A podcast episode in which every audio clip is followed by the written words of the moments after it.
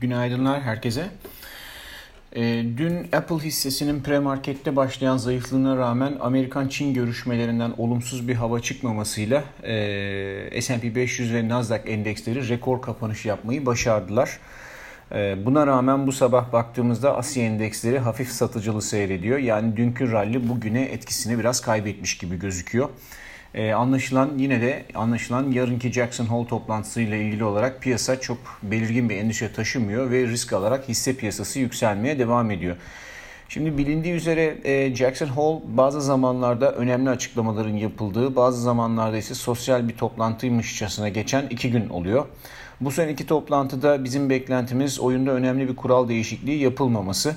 Yani e, yeni bir e, durum e, kamuoyuna duyurulmayacaktır. Ama yine de e, tahvil getirilerinde başlayan rallinin devamını e, kestirebilmek için yapılacak açıklamalar çok yakından izlenmeli. E, nitekim e, tahvil getirilerindeki e, hareketlilik birçok varlık fiyatının seyrini değiştirebilecek önemde. Buradan e, Amerikan hisse senedi piyasasına tekrar şöyle hisse bazlı bakarsak e, hava yolları hisseleri önceki günkü güçlü rallinin ardından çeşitli nedenlerle her birinin ayrı ayrı haberleri var. E, çeşitli nedenlerle dün satıcılı bir gün geçirdiler. İyimser havanın birkaç gün daha devam etmesini aslında bekliyorduk e, ve buradan biraz daha fazla bir e, kısa sürede bir e, yükseliş bekliyorduk ama e, şimdilik bu biraz durulmuş gibi görünüyor. Yine de teknik olarak baktığımızda henüz yukarı ihtimal tamamen tükenmiş değil. E, dünkü rekor tazelemede S&P 500 endeksinde e, medya ve eğlence hisseleri yine teknoloji ağırlıklı, yazılım ve hizmetler bu da teknoloji ağırlıklı, yarı iletkenler teknoloji hisselerinin e, aslında e, üreticilerinin ham maddesidir. Yarı iletken hisseleri ve ayrı olarak da sağlık hisseleri en büyük yükselişten payı almış durumdalar. Ayrıca yine e, ilgi çeken bir konu e, elektrikli araç üretileri üreticilerinden Çinli NIO ve e, Workhouse e, Workhorse hisseleri sırasıyla %19.17 ve %10.81 yükseldiler. Yani çok ciddi yükselişler var. NIO hissesi yüksek hacimle gerçekleşen bu hareketle rekor seviyesini gerçekleştirdi. 16.30 ee, civarında e, bunun kritik bir seviyesi vardı. Onu aştı. Bu seviyenin üzerinde kaldığı her gün e, yeni bir Tesla hareketini e, hareketi oluşturmak için potansiyel taşıdığını söyleyebiliriz.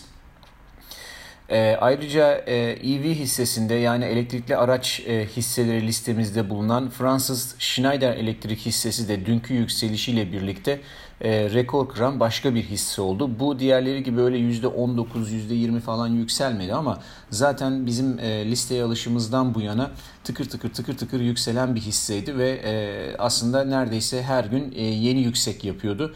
E, bu bugünkü hisse, dünkü hisse hareketiyle bunu da e, ifade etmiş olmak için aldım içeri. Zaten e, sürekli bu hisse azar azar yükselen ve kar üreten bir hisse oldu bizim listeye alışımızdan bu yana.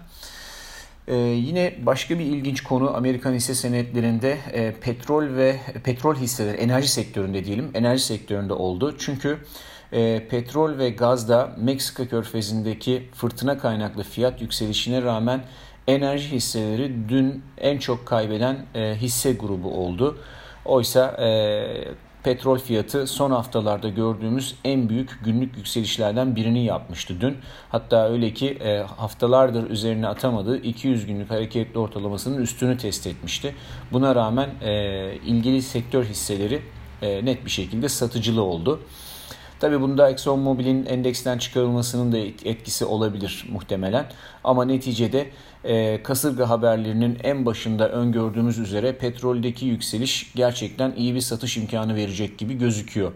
E, hatta bu nedenle hisse piyasası bu yükselişi sanki şimdiden kullanmaya başlamış gibi gözüküyor. Biraz erken ama e, normal şartlarda yeterince büyüklüğü olan ve riski yönetmeyi bilen deneyimli portföylerde çok out of the money e, olan call opsiyonları satılarak bu yükselişte e, pasif satış diyebileceğimiz e, bir pozisyon yapısına yapısı elde edilebilir.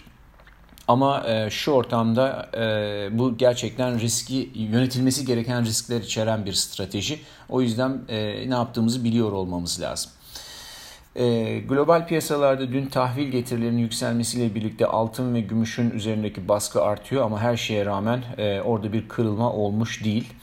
E, getirilerin artmasıyla birlikte eğer altın fiyatı 1910 dolar bölgesini e, aşağı doğru ihlal edebilirse ki burası e, grafiğe baktığımızda görüyoruz bir bariyer gibi çalıştı bugüne kadar. E, ama eğer 1910 kırılırsa muhtemelen bu seviyenin hemen altında yatan bir sürü stop emri vardır. Özellikle küçük yatırımcıların. E, bu stop emirlerinin çalışmasıyla çok kısa zamanda e, hızlıca e, fiyatlı bir çözülme gelebilir. Genel itibariyle bu hareketin e, son günlerdeki piyasa karakteristiğine baktığımızda Amerikan seansı civarında olması beklenir. Çünkü e, daha önce de bahsetmiştim. Genelde bu, bu günlerde Amerikan seansında dolar endeksinde biraz başarı oluyor, alış oluyor. Onunla birlikte endeksleri falan şey endeks diyorum altını ve pariteleri biraz satıyorlar. Pariteler tarafında dediğimiz gibi e, yine çok büyük bir hareket henüz olmadı. Ama e, spot fiyatlara göre euro dolar için e, 1.1750 bölgesi bugün oldukça kritik bir bölge kırılması halinde altında bahsettiğim üzere e, yine stop emirlerinin çalışmasıyla birlikte e, aşağı doğru biraz daha güçlüce bir hareket görülebilir. Son olarak sterlin için ise kritik seviye aşağıda 1.30-30 bölgesi. E, sterlin biraz daha güçlü duruyor. Olur da yukarı deneme yaparsa 31.75'te e, yukarıdaki kritik seviye ama yukarı tarafın gerçekten son derece sınırlı olduğunu düşünüyorum.